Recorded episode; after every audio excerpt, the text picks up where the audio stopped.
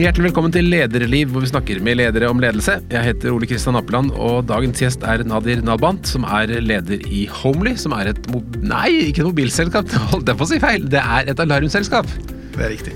Og det er grunnen til at jeg får snakket med her, at du er jo kjent i veldig stor grad som en mobilmann, Har i mange år vært omtalt som mobilgründer, men nå er det altså alarm. Men jeg har lyst til å starte egentlig med mobil, Nadir, for du er jo nesten en sånn vandrende leksikon på hele mobilbransjen i Norge. Du, jeg har, jeg har fått uh, tidlig, altså muligheten til å være med tidlig i, i, mobilmarkedet.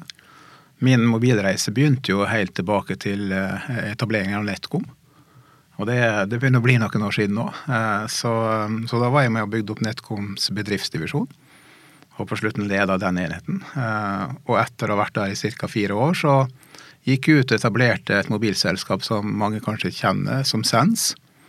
Eh, og det, det, var også en eh, fantastisk spennende reise. Eh, da var vi ja, den gangen verdens første såkalte virtuelle mobiloperatør.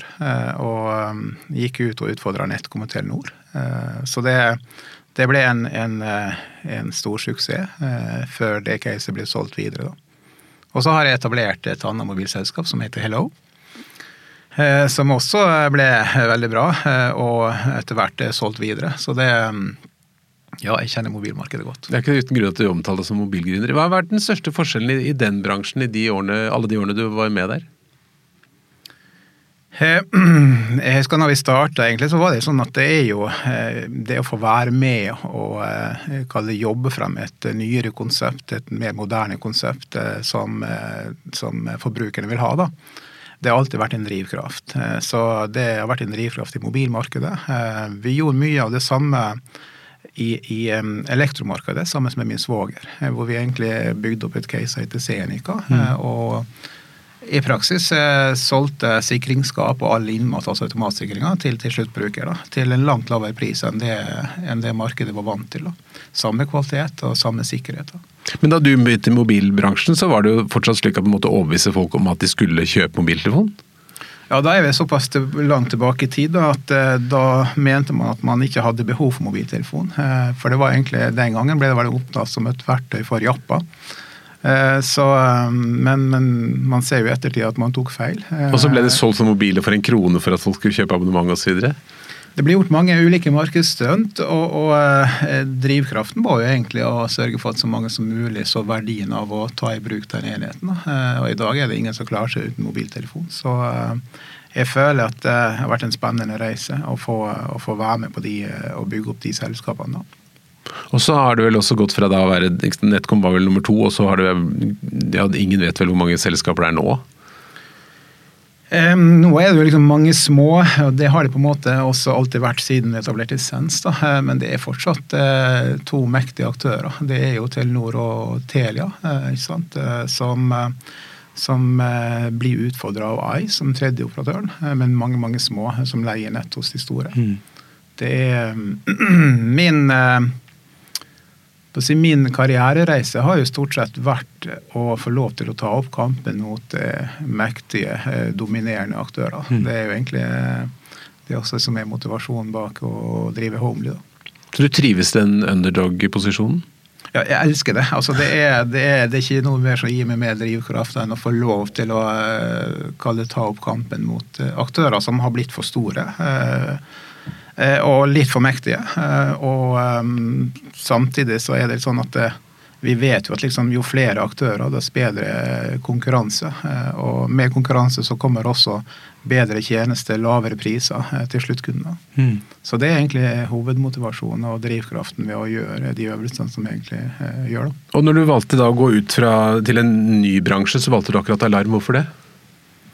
Det er ikke noe tilfeldig. Jeg har jo egentlig selv vært alarmkunde i mange mange år eh, hos en av de store. Eh, og, um, og det oppdaga egentlig bare sånn underveis at du, du, betaler for en tjeneste du egentlig ikke Eller håper på at du aldri får bruk for. sant? Og, og, um, og så oppdaga jeg liksom, eller la jeg merke til at prisene ble bare høyere og høyere for hvert år. Du får sånn årlig prisvarsel. Mm. Samtidig som du føler at det har vært lite endring på tjenestesiden. Eh, ingenting nytt.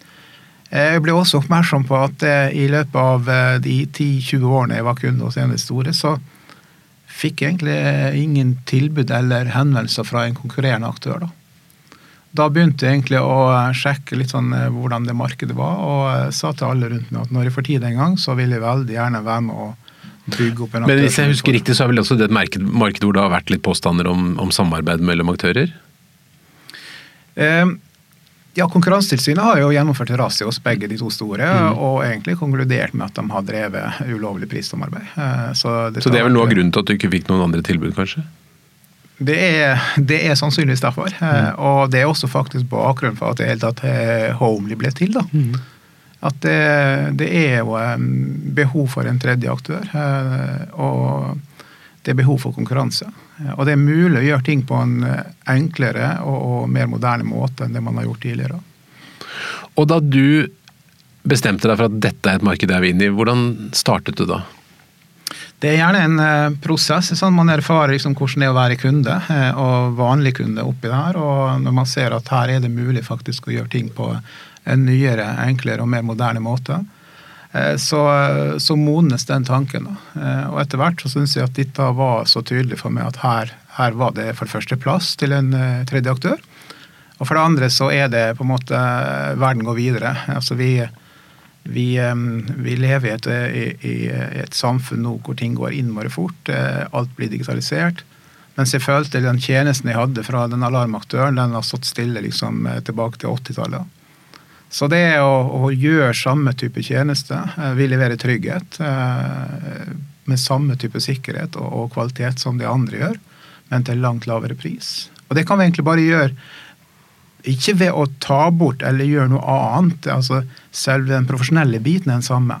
Eh, Vekterne er akkurat de samme. Hvis du, hvis du trenger en vekter fra, fra Homely, så er det Securitas som rykker ut.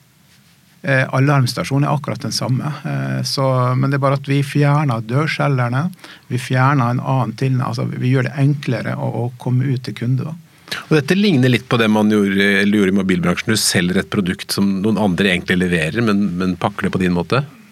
Det er, egentlig, det er jo egentlig riktig, det. altså. Slik Når vi starta et, et av mobilselskapet Sense eller Hello eller de andre virtuelle selskapene sant? Man, Bruker du Telenors nett, så er det like bra som Telenor. Sant? Det er samme dekning, det er samme kvalitet.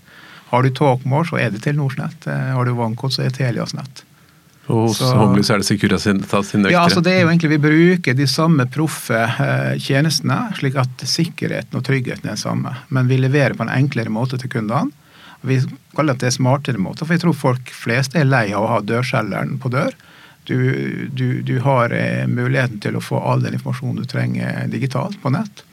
Med den veiledning og oppfølging man trenger. Og da kan vi gjøre det til en langt lavere pris enn eh, våre konkurrenter kan. Og hva er det du tenker skal skille? Er det, er det prisen som er den store forskjellen på Homely og de andre? Eh, altså Først og fremst så tror jeg på en måte at man bruker en moderne plattform. Eh? Vi, er, vi er såpass heldige når man starter eh, med, helt med blanke ark, så kan du ta i bruk nyeste teknologi som finnes. Så hele løsningen vår er jo basert på en moderne IOT-plattform som gir større fleksibilitet og, og helt andre egentlig muligheter for å eh, tilby skreddersøm og integrasjon da, enn det de etablerte, tradisjonelle aktørene kan. Da. Så det gir oss den fleksibiliteten og muligheten som gjør at vi kan levere tjenesten langt billigere enn enn våre konkurrenter kan. Da. Så du har altså en fordel av å ikke være etablert?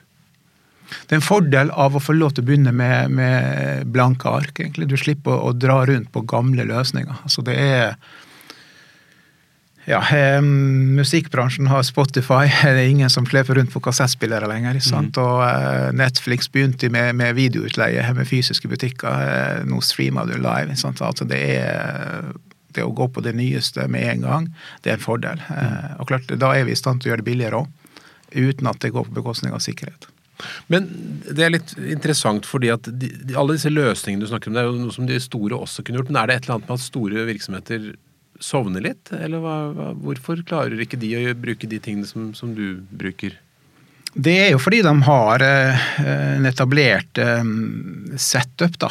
Sant? De har jo både eh, si, salgsstyrke, de har kanaler, de har partnernettverk, liksom. Og de har en teknologi som kanskje ikke gir samme fleksibilitet som det vi kan. Eh, så, så, de sliter egentlig med, med, det gamle, eh, mens vi får lov til å gå rett på det nye. og, og levere egentlig moderne tjenester. Det er egentlig store forskjellen. Og det, det, gjelder ikke bare i den bransjen som er nå, men sånn har det vært også de andre bransjene hvor man har utvikla og, og utfordra. Mm. Minner, du minner litt sånn om Richard Branson, som har vært sånn mann som har gått inn i etablerte bransjer og fornyet? Ja, nå, liksom, nå, har jeg fått lov til å eh, være med i en del reiser, og jeg føler meg veldig privilegert for det. Eh, og klart Jeg ser den røde tråden i det som jeg har vært med på, det er jo å ta opp kampen mot mektige, etablerte aktører. Det er, og det føler jeg er en drivkraft i seg sjøl. Og, og, litt fordi jeg ser også selv som kunde og forbruker. altså Hvis en eh, bedrift får for stor makt, eh, eller at det blir bare to-tre spillere i et marked, så blir de veldig, veldig like. Eh, de har en tendens til å, um, til å eh, ja, gå samme retning, eh, samme pris, eh, og, og, lite fokus på innovasjon. Eh, det, jeg tror vi som forbrukere kan gjerne være mer bevisst på det. Jeg selv prøver å, å være det hver dag. Eh, uansett type tjenester man bruker. Så um, der føler jeg også at det er viktig for, for, um, for, hele samfunnet på en måte, at det er fri konkurranse. Uh, fordi det som skjer da, da får alle muligheten til å ta det i bruk. Hvis ikke det var uh, fri konkurranse, så vil det være begrensa til bare en liten andel. Sant? og Vi ser jo i, i, i alarmmarkedet i dag, så er det bare 19% av alle husstander som har installert boligalarm i Norge. Det var overraskende lite. Ja, det er jo egentlig ekstremt lite. Og, og um, hvis vi skal relatere til mobilmarkedet igjen, så er liksom det der vi var i 1995. Mm. Og uh, jeg sier ikke at alle og, i Norge Hvor mange um, blir dette, da? Mange, mange, abonnenter er det totalt? Vi snakker om under en halv million husstander ja. Eh, som har installert det. Og, og Hvordan er det fordelt mellom de, dere tre, da? Eller? Det er jo de to store som, som er dominerende her, for ja. de har fått lov til å være alene i altfor lang tid. Mm. Og uh, Mitt poeng er at liksom, jeg mener at dette er en tjeneste som burde vært i alle hjem. Ikke for, fordi vi skal gå og frykte innbrudd. I Norge så bor vi og lever et veldig trygt og godt land, mm. uh, men vi, pga. brann det å vite at man er passa på av en profesjonell alarmstasjon eh, om eh, brann skulle oppstå, mm det er en trygghet som jeg mener alle i Norge eh, fortjener og burde ha. Mm. Men klart, hvis det er for dyrt, så er det de færreste som får, råd til å ha det. Det, er, det koster 5 6 7 8 900 kroner liksom, hos de etablerte aktørene. Eh, Men gi oss noen tall, Nadir. Hvor mange, mange, abonnenter har hvem? Hvordan er rekkefølgen her? Eh, det er egentlig omtrent jevnstore, de to største. Mm. Også, også og, de heter? Se, det, det, de største, altså den største er vel Verisure. Ja. Eh, eh, den bruker Securitas ja. Eh, som vektertjeneste. Og så har du da Avarn Security, som, eller egentlig Sektoralarm, da, mm. som også eier deler av Avarn. De, de bruker Nokas som mm. vekterrykk. Og så vi, kommer vi dere? Securitas, da. Og så kommer dere? Eller? Jeg har ikke oversikt over eh, Det finnes en del lokale små aktører. Mm. Eh, vi er landsdekkende, eh, så vi, vi, leverer den tjenesten over hele Norge. Og med både vekterrykk og uten. Og Hvor mange kunder har Homely nå? Vi går ikke ut med antall kunder pga. konkurransesituasjonen, men vi får nye kunder hver dag. Mm. Og det vi har vært mest opptatt av, det er at de kundene vi har, at de er fornøyd.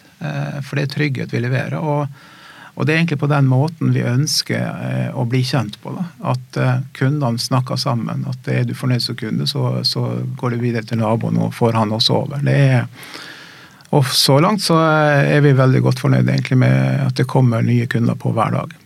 Men tilbake til oppstarten. Altså, du, du, snakket om at du har et bra, moderne IT-system. Hva annet må til for å lykkes som en, som en utfordrer i et marked?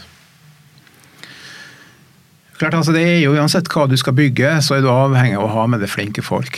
Eh, det, du kommer ingen vei. Eh, sant? Og, eh, et, et, dedikert og motivert team er en forutsetning. Så det var noe av det første du gjorde?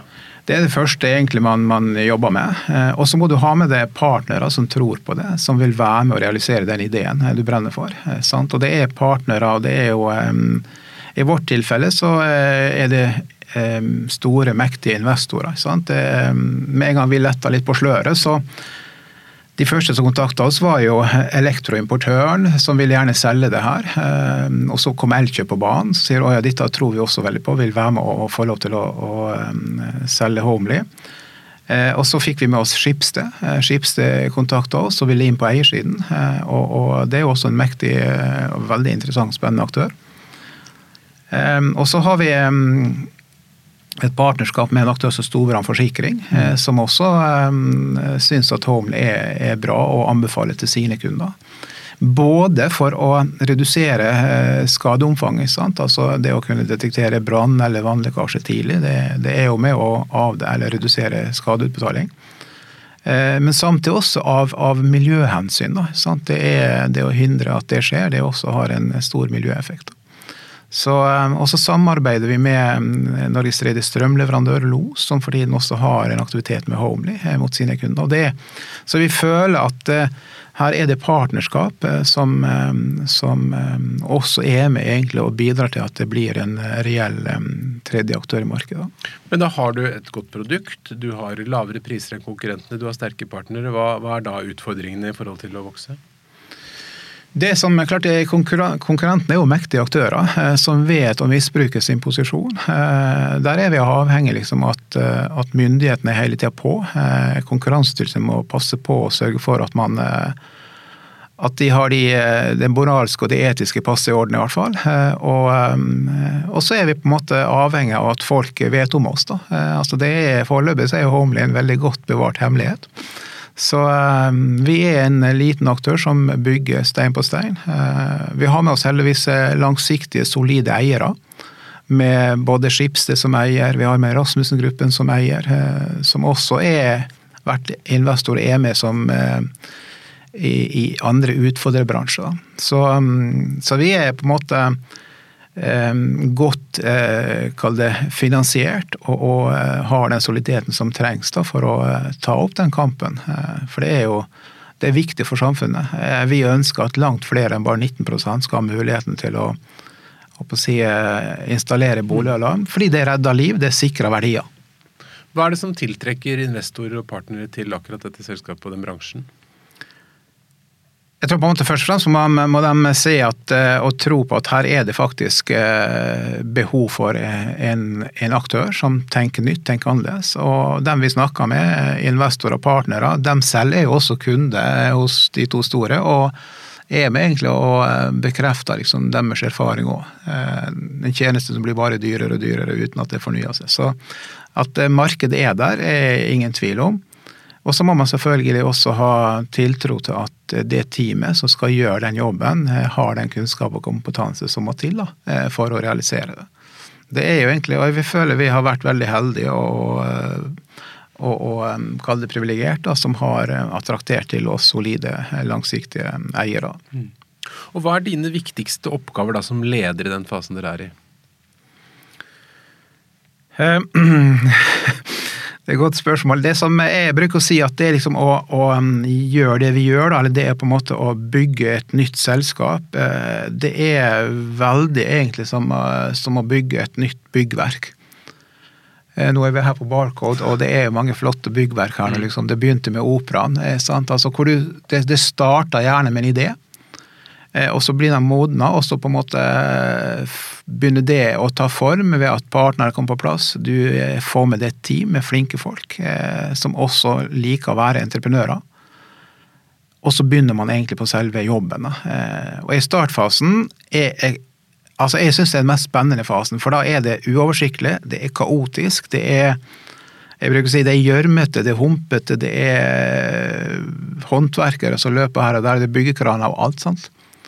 Men eh, så lenge man har evnen til å se byggverket, hvor stort det blir, hvor flott det blir når det er ferdig, så finner du en egen drivkraft eh, for alle som er med på det her. Og da, da det da vil man tiltrekke seg eh, ekstremt flinke folk som gjerne vil være med og bygge noe og skape noe. Være med på en sånn reise. Det er en drivkraft i seg sjøl. Langt mer enn en hvilken lønn de får, eller hvor mye man eh, tjener. Så det mm, Betyr det at mye av jobben din blir nettopp det å fortelle den historien om hva den skal bli?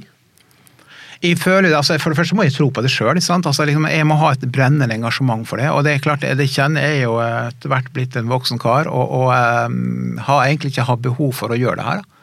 Men jeg, jeg, det gir meg masse energi. Jeg brenner veldig for det vi gjør. Og, og jeg, det ser det smitter over, slik at de som er med oss, de som på en måte joiner teamet, de må føle det samme brennende engasjementet og vil være med på å eh, kaste jakka og gjøre den innsatsen som må til. Sant? Det er, og vi har store ambisjoner. Vi slåss mot mektige folk. Jeg bruker å si at vi, vi skal spille Champions League. Eh, da må vi være villige til å virkelig gå eh, all in. Det, og det er den type spillere man tiltrekker seg. Og jeg føler er veldig heldig som på en måte får lov til å jobbe med, med flinke folk. Eh, og det, På den måten kan vi gjøre hverandre bedre. Og um, vi er sammen om en idé og en visjon. Og Hvordan vil du være som leder for disse som du er tiltrukket av visjonen? For meg, altså Jeg er jo utdanna ingeniør, eh, så å, forstå liksom eh, hvordan en datamaskin er bygd og hvordan en programmerer den og de mulighetene rundt det. Men jeg har, ingen, jeg har ikke gått noen lederskole. Eh, men for meg er ledelse en væremåte. Hvordan man er som type. hvordan hvordan man utøver egentlig faget, håndverket. At man går foran og leder an. Det er det som er ledelse for meg. Vær tydelig. Eh, være med å stake ut en kurs, eh, rammevilkår, strategi for hvordan komme dit. Og så tror jeg du kan få med deg nesten hvem som helst. Altså det, tilbake til liksom det å ha den evnen til å tegne og visualisere det bildet av byggverket når det står ferdig. Da, mm, det er ledelse for meg. Mm. Og når du ansetter, du sier at et godt team er viktig, hvilke kvaliteter er det du ser etter? Eh, jeg ser etter typen, altså hvilken holdning de har. Eh, hvor sultne er de egentlig? Eh, og vi Akkurat disse dager er vi i ferd med å ansette flere folk, og, og ser det er enormt stor forskjell. Altså på, du merker med en gang de som har en gnist i seg, som ønsker å være med og skape noe. Som virkelig vil. Ikke bare at de er ute i en jobb, men de vil være med og gjøre en forskjell. Eh, mens andre er kanskje bare ute etter en jobb, og knapt nok det. Så, så det er, vi ser etter de som har den persen for å vil være med og Si, det, det, vi gjør, det er jo egentlig så er det et samfunnsansvar. Da. Eh, det å sørge for at mange flere der ute får, får muligheten til å anskaffe seg en livreddende tjeneste, det, det gir en tilleggsdimensjon rundt, rundt, den jobben vi gjør. Da. Og det er de menneskene vi ser etter. Da. Men med så mange Det å være liten og uh, tiltrekke seg oppmerksomhet fra ulike partnere og sånn, det, det, det, må være vrient å prioritere. Hvilken vei skal man gå, eller er det en enkle, enkle valg for deg? Nei, jeg tenker på en måte Det er jo eh, Man manøvrerer hele tida. Det Du må på en måte både gjøre valg fortløpende. Du må eh, utøve lederskap ut fra en situasjon man befinner seg i. Eh, og heldigvis så har vi så langt vi har selv ikke kontakta noen av de partene vi har. Vi har blitt kontakta. Det er fordi de liker ideen, de liker konseptet og vil være med på å realisere. Det er egentlig, og det er den fordelen vi har da med at vi, vi, eh, vi, føler det som det vi gjør, det, det, er noe som mange mener eh, burde vært gjort for lenge siden. Eh, vi, ser, vi får jo daglige henvendelser fra kunder som sier at de, de, de heier på oss, og de, det er på tide at, eh, at det kommer en sånn aktør som oss. Da. Så,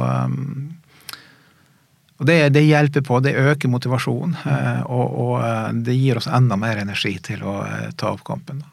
Men hvilke opplevelser eller perioder av det du har gjort eh, før, er det du har lært mest av i forhold til den utfordringen du har nå? Er det noe som har formet ditt syn på hvordan man skal bygge opp et selskap godt? Et, altså jeg tenker sånn, jeg bruker å si vi lærer noe hver dag. Eh, og klart man gjør masse feil ting. I etterpåklokskapen skulle man kanskje gjort ting annerledes. Eh, så, men, men man lærer noe hele tida.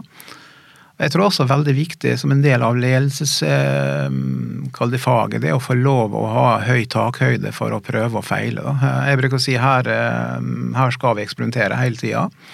Og vi skal alltid bli bedre. Sant? Eh, så lenge du blir litt bedre hver dag, så, så er det mer enn godt nok. Da. Og det er, men slurv har jeg veldig lite til overs for.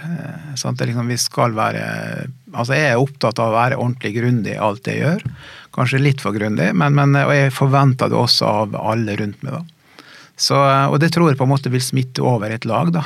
Så, og jeg har fått lov til å være med på flere sånne selskapsreiser, og, og, um, og klart vi lærer noe hver gang. Eh, det er, det er, og hele tida så øker man, eh, ønsker man å bli enda bedre. Og jeg føler at eh, den ballasten den er ekstremt viktig, mm. spesielt når man jobber med å bygge opp noe mot mektige, etablerte aktører.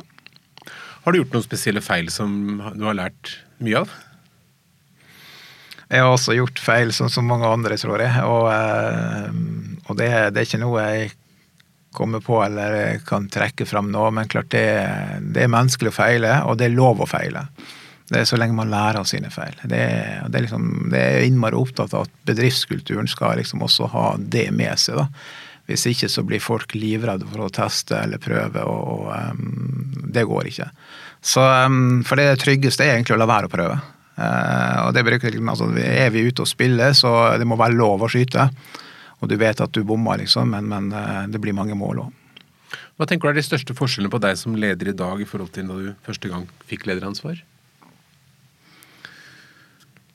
Um, største forskjellen er vel kanskje at uh, med, åra, med åra så blir man uh, um, også litt mer ydmyk. Uh, man blir kanskje mer bevisst på um, enda tydeligere på sine egne styrker og ikke minst sine egne svakheter. Sant? Så det å ha det med seg i, i hverdagen når man manøvrerer, det er jo klart en styrke også som leder. Da. I begynnelsen er man uerfaren og gjør en del feil.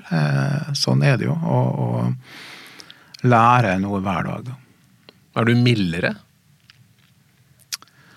Um, jeg føler jeg er veldig mild som type uansett, tenker jeg, men jeg er veldig Altså, jeg jeg måtte stiller store krav til meg sjøl, eh, så forventer også mye av dem rundt meg. Eh, sånn er det jo. Eh, og, og, så, men ja, mulig mildere også med åra.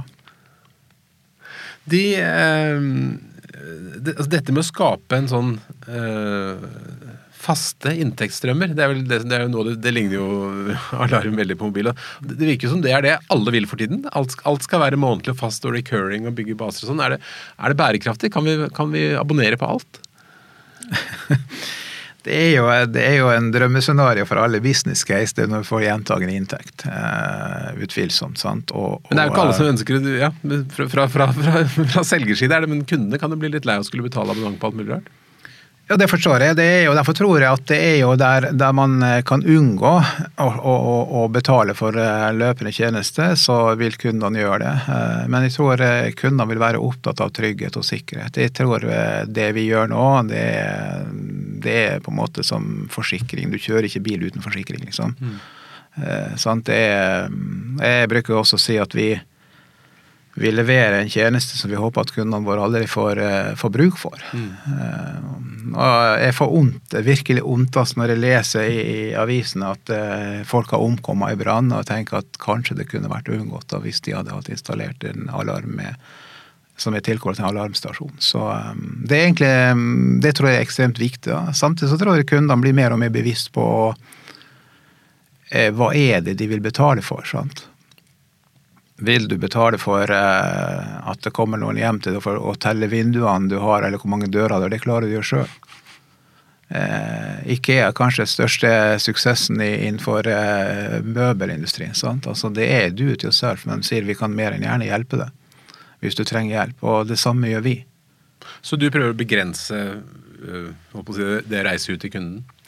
Det, altså jo, så lenge du kan redusere kostnadene på det som egentlig er overflødig, som ikke gir kunden noe merverdi, eh, og på den måten levere en tjeneste billigere, så tror jeg at markedet vil ha det. Og det er egentlig det vi gjør. Eh, for noen år tilbake, hvis folk skulle ha eh, internett hjemme, så måtte du få Telenors bredbåndspatrulje hjem til deg. Mm. For å sette opp din wifi-ruter. Men det gjør folk sjøl nå. Du setter opp, om det er Apple TV eller, eller kobler opp Netflixen din, så gjør du selv. Hvis ikke så kjenner du noen som kan fikse for deg. Sant? Eh, og du har tilgang til alt på, på video på nettet. Det samme gjør vi her. Sant? Vi mm. sier det, det her er blitt så innmari enkelt. Du kan lett sette det opp selv. Og vi ser de aller, aller fleste gjør det elegant sjøl, faktisk, eh, gjennom appen. Men trenger du hjelp, så sender vi folk hjem til deg som kan hjelpe deg for å sette opp. da. Mm. Men du, du, nevnte de store internasjonale aktører. Man kunne jo tenkt seg at dette med å Altså, dette ligner jo litt på en digital tjeneste, at dette kunne være noe som øh, plutselig ble overtatt av Google eller Apple eller andre som kunne ta den jobben som Håndel gjør. Er, er det noe du har reflektert rundt? Det har jeg tenkt masse på, og klart det er en del av det å eh, tegne det konkurransebildet fremover. Da. For det skjer en enorm utvikling i, i den bransjen her også. Eh, Hjemmene blir smartere og smartere. og, og ehm, så, Men det som egentlig jeg selv tror på, det er at jeg tror dette er dette er ehm, det som har på en måte tilknytning til lokal vaktselskap, til lokal alarmstasjon. Det tror jeg ikke er et spill for de store. Jeg tror de store aktørene de vil kunne være med og gjøre sånn at musikken din kommer på, liksom, eller at lyset kan eh, blinke eller skifte farge.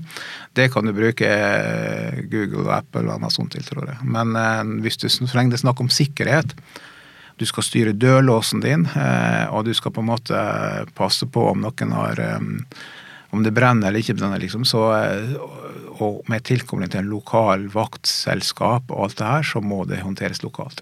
Hvis ikke så hadde de store gjort dette for lenge siden. Mm. Men ditt mål er jo da å ta en del av disse 19% og antagelig øke prosenten. Men er det også slik at man kan se for seg at Homely er et, et konsept som kan vokse internasjonalt? Utvilsomt. altså vi, Nå har vi all fokus på å, på å bevise her hjemme i Norge, og vi ser at vi er på god vei. Og klart Når vi føler at vi er klar for det, så ligger det i navnet at vi, vi ønsker å gå internasjonalt også. Mm. Men igjen litt av basert på tidligere erfaring, så vil jeg gjerne på en måte bygge opp eh, hele konseptet her hjemme først, eh, før vi beveger oss ut av Norge. Og Det er også en sånn dilemma som mange gründere kjenner på. Hvor fort skal man gå frem? Mm. Eh, noen ganger så tenker man at eh, jeg var dum som ikke grep muligheten og gasset på mer. Andre ganger så ser vi folk som går på trynet fordi de går for fort. Altså Hvordan balanserer du det? Det, jeg tror ikke det finnes noe fasitsvar på det. Jeg tror du må på en måte manøvrere der og da i forhold til hvordan markedet er, og ikke minst hvilket team du har på lag, og de kapasitetene og ressursene man har med seg. Eh, det er, dette er ikke et spill for hvem som helst, det er kapitalkrevende. Eh, det er et langsiktig prosjekt. Det vi gjør, det er ikke noe sprint. Det er, det er, vi har en femårsplan, vi har med eiere som eh, følger det løpet. Så, og fordi det er trygghet. Det er noe mm. mer enn å bare selge et mobilabonnement. Så, eh, og eh, for, for, vår del så er det ekstremt viktig nå å bare bygge stein på stein her hjemme. Sørge for at de kundene vi har, de er kjempefornøyde. Eh, og på den måten bli kjent. Da. Mm. Det er, um, og vi er på god vei. Og så nevnte du at du da ikke har selgere som flyr rundt. Hva, hva blir da de viktigste kildene for å få kunder? De viktigste kildene er jo egentlig fornøyde eksisterende kunder eh, som snakker varmt om oss. Eh, og, eh, og selvfølgelig, vi, vi, vi, skal jo synes gjennom partnere. Sant? Nå, både gjennom Storbrann forsikring, LOS som vi nevnte i sted, som Norges tredje strømleverandør, de har en aktivitet og kampanje med Homely akkurat nå. Så, så, den type partnere hvor kunden allerede har en relasjon, det, som også har den tilliten, den tryggheten og kjennskapen hos kunden, og kan på den måten få eh, tilgang til Homely. Mm. Det, så det er jo egentlig litt sånn vi jobber, eh, gjennom partnerskap. Samtidig så, eh, etter hvert som vi blir mer kjent, så er jo alt veldig lett tilgjengelig eh, på homely.no. Så det, og Vi synes jo innimellom på Skipset sine flater, uh, i og med at vi har dem med på eiersiden. Så um, kjører vi aktivitet og kampanje også gjennom ja, alt fra VG til, til Aftenposten mm. og andre medier. Nå har du valgt å angripe da, i akkurat denne sektoren, og du skal ta de store. Hva gjør du selv for å ikke bli liksom en av de store som blir angrepet av noen andre som er enda mindre kjappere og bedre? Du vet, Det vil alltid være sånn. jeg syns det er veldig bra at det kommer mange. Jeg tror det kommer flere som kommer til å gjøre det samme som Homely. Det erfarte vi også fra mobilmarkedet. Eh, at jo flere som, eh, som eh, opplever suksess, desto flere er det som vil prøve å kopiere det. Her dreier det seg egentlig om, tror jeg, egentlig bare ha fokus på å være god selv, og også akseptere at det kommer andre på banen. Eh, til syvende og sist er det egentlig forbrukerne som tjener på det. Eh, flere aktører, friere konkurranse. Kanskje enda viktigere enn fri innovasjon. altså det, det, kommer nye og bedre løsninger hele tida. Så, eh, så, det gjør sånn at vi også må skjerpe oss. da. Så ja, om det kommer flere etter, så syns jeg det er bare bra. Men hvis du ikke hadde valgt eh, alarm, hvilke andre bransjer kan du si noe om det som du har sett på som du tenker at kunne trenge inn litt sånne homely-aktører? Jeg tror hver, hver, kunde kan jo selv eh, sette seg inn i litt den situasjonen da, som forbruker. Sant? Altså, eh, Hvilke tjenester føler man har har liten konkurranse, og hvor prisen bare blir høyere og høyere for hvert år. Mm. Problemet er kanskje at de aller fleste sover i timen. Sant? Mange av de fakturene går på avtalegiro. Jeg selv er en sånn forbruker. Og dessverre så er det blitt en sånn ukultur her i Norge hvor man man tar høyest betalt fra de kundene som er mest lojale. Mm. Altså det er, det er så uh, totalt uh, misforstått, liksom. Så um, her må kunden selv du må, du må, gå til det skrittet å si opp da, uh, før du i hele tatt blir verdsatt som kunde. og jeg har selv erfart det både nå nylig fra, fra um, en sånn bredbåndsaktør, altså en streamingtjeneste, hvor jeg har vært kunde i 15 år. Så plutselig så ser jeg at jeg, jeg betaler over 700 kroner for en tjeneste som eh, nye kunder betaler halv pris for. Og, det, og, når jeg ringer og, og, sier ok, dette vil jeg ikke være med på, liksom, så får jeg bare beskjed om at du skulle ha ringt oss tidligere. Sant? Her kan vi gi alt dette til halv pris. Og da blir jeg bare forbanna. Jeg føler meg lurt. Sant? Og det er, så, sånn tror jeg det er med de fleste abonnementstjenestene. Eh, og der syns jeg på en måte kundene må selv blir bli litt bevisst. Ønsker vi egentlig å være med i et samfunn hvor dette er normalen, eller skal vi si ok, eh, takk for følget, og vi velger heller en, en, ny aktør og en utfordrer um, for å være med å skape konkurranse.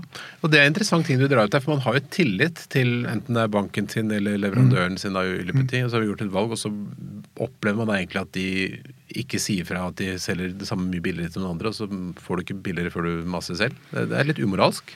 Jeg mener at det er umoralsk. Det er jo én ting, sant? Så, så, men samtidig så er det synes jeg på en måte, det er misforstått kundebehandling. Eh, de lojale kundene skal du ta best vare på. De skal jo selvfølgelig ha de beste tilbudene av det. Eh, men så, så, er det litt sånn at mange kunder lar seg også fange av winback, som det heter. Sant? At du, når du først sier opp og velger å bytte, så lar du friste til å komme tilbake igjen. Det gjør sånn at man kommer egentlig ingen videre, altså ingen vei videre. Er, man opprettholder et samfunn med den ukulturen. Eh, jeg mener, Det har jeg egentlig adressert til Konkurransetilsynet flere ganger, hvor jeg syns at det burde vært forbudt Eh, og drive winback for de store, for de store mm, mektige aktørene. Uansett bransje, om det er mobil- eller alarmbransjen eller forsikring eller strøm. Da. Det er, for det gjør et eller annet med at eh, man mister forbrukermakten. Hvis en sånn gigant skal alene fronte en stakkars forbruker, så er det alltid den, det selskapet som er mektigst. Eh, forbrukeren vil gi etter og la seg friste med et kortsiktig tilbud da, for å bli. Men er det mange nok forbrukere sammen, så får du forbrukermakt. Og det, Da må du ha flere aktører å spille på. Da må det være uåpenhet, ikke minst. Sant? Du må vite hva ting koster. Det må være lett tilgjengelig for kundene. Og det er, I alarmbransjen så er det ikke sånn, du får jo ikke et tilbud hos noen av de store uten at de sender noen hjem til deg. Men betyr det Nadir, at hvis eh, noen blir kunde hos deg, så kan man være trygg på at ikke du går og selger samme abonnementet billigere til noen andre etterpå? Ja, det, det, det kan jeg være veldig trygg på, ja. Det er spesielt. Jo, men det, sånn er det jo på en måte. Du skal kunne få lov til å velge. Vi, vi, tilbyr akkurat det samme til eksisterende kunder som til nye kunder. Det, er, det tror jeg er veldig viktig. Spennende. Hvis det kommer en ung person til deg kanskje en som jobber hos deg, eller et barn eller noe sånt, som har lyst til å bli leder, akkurat som deg. Hva er de tre viktigste rådene du gir for å bli en god leder? Um, godt spørsmål. Um, igjen, jeg tror på en måte man må være seg sjøl. Uh, du må gå foran som et godt eksempel. Um, du må vise at du tar ansvar, uh, både for de ansatte, for bedriften, men også et samfunnsansvar. Sant? At det etiske passer i orden. Eh, og For meg så er liksom samfunnsansvar så mye mer enn bare å um, støtte et lokalt fotballag. eller sant? Det er egentlig å opptre ryddig eh, i, i all forretningsforbindelser. Eh, og så er det jo det å um, legge forholdene til rette slik at ansatte rundt deg kan få lov til å spille hverandre gode. Altså Du må skape et lag. Et lag som, eh, som vil noe, som er, går mot samme mål. Det, og det tror jeg ikke du klarer uten å ha passion for det du gjør. Du må, eh, du må ha et brennende engasjement for den jobben. Du må glede deg til å komme dit. For det sprer seg. Eh, det smitter over. Da. Så eh, er, er unge ledere Min anbefaling er på en måte at de er seg sjøl, de er tydelige, og de har et brennende engasjement for det de gjør. Når er du koser deg mest som leder? Det er når jeg får lov til å um, være med og feire delmål da, eh, som vi sammen egentlig har satt. Og når vi når det, så syns jeg det er noe fantastisk ved det. Og, um, og det er sånne små milepæler som uh, hele tida rører ved altså man, man, må bli stolt underveis. da, Og bare markere det, feire det og skape den gløden. Ja, det gjør meg både glad og stolt. Hva er en god form for feiring, syns du? Er det bløtkake, eller hva er det nå?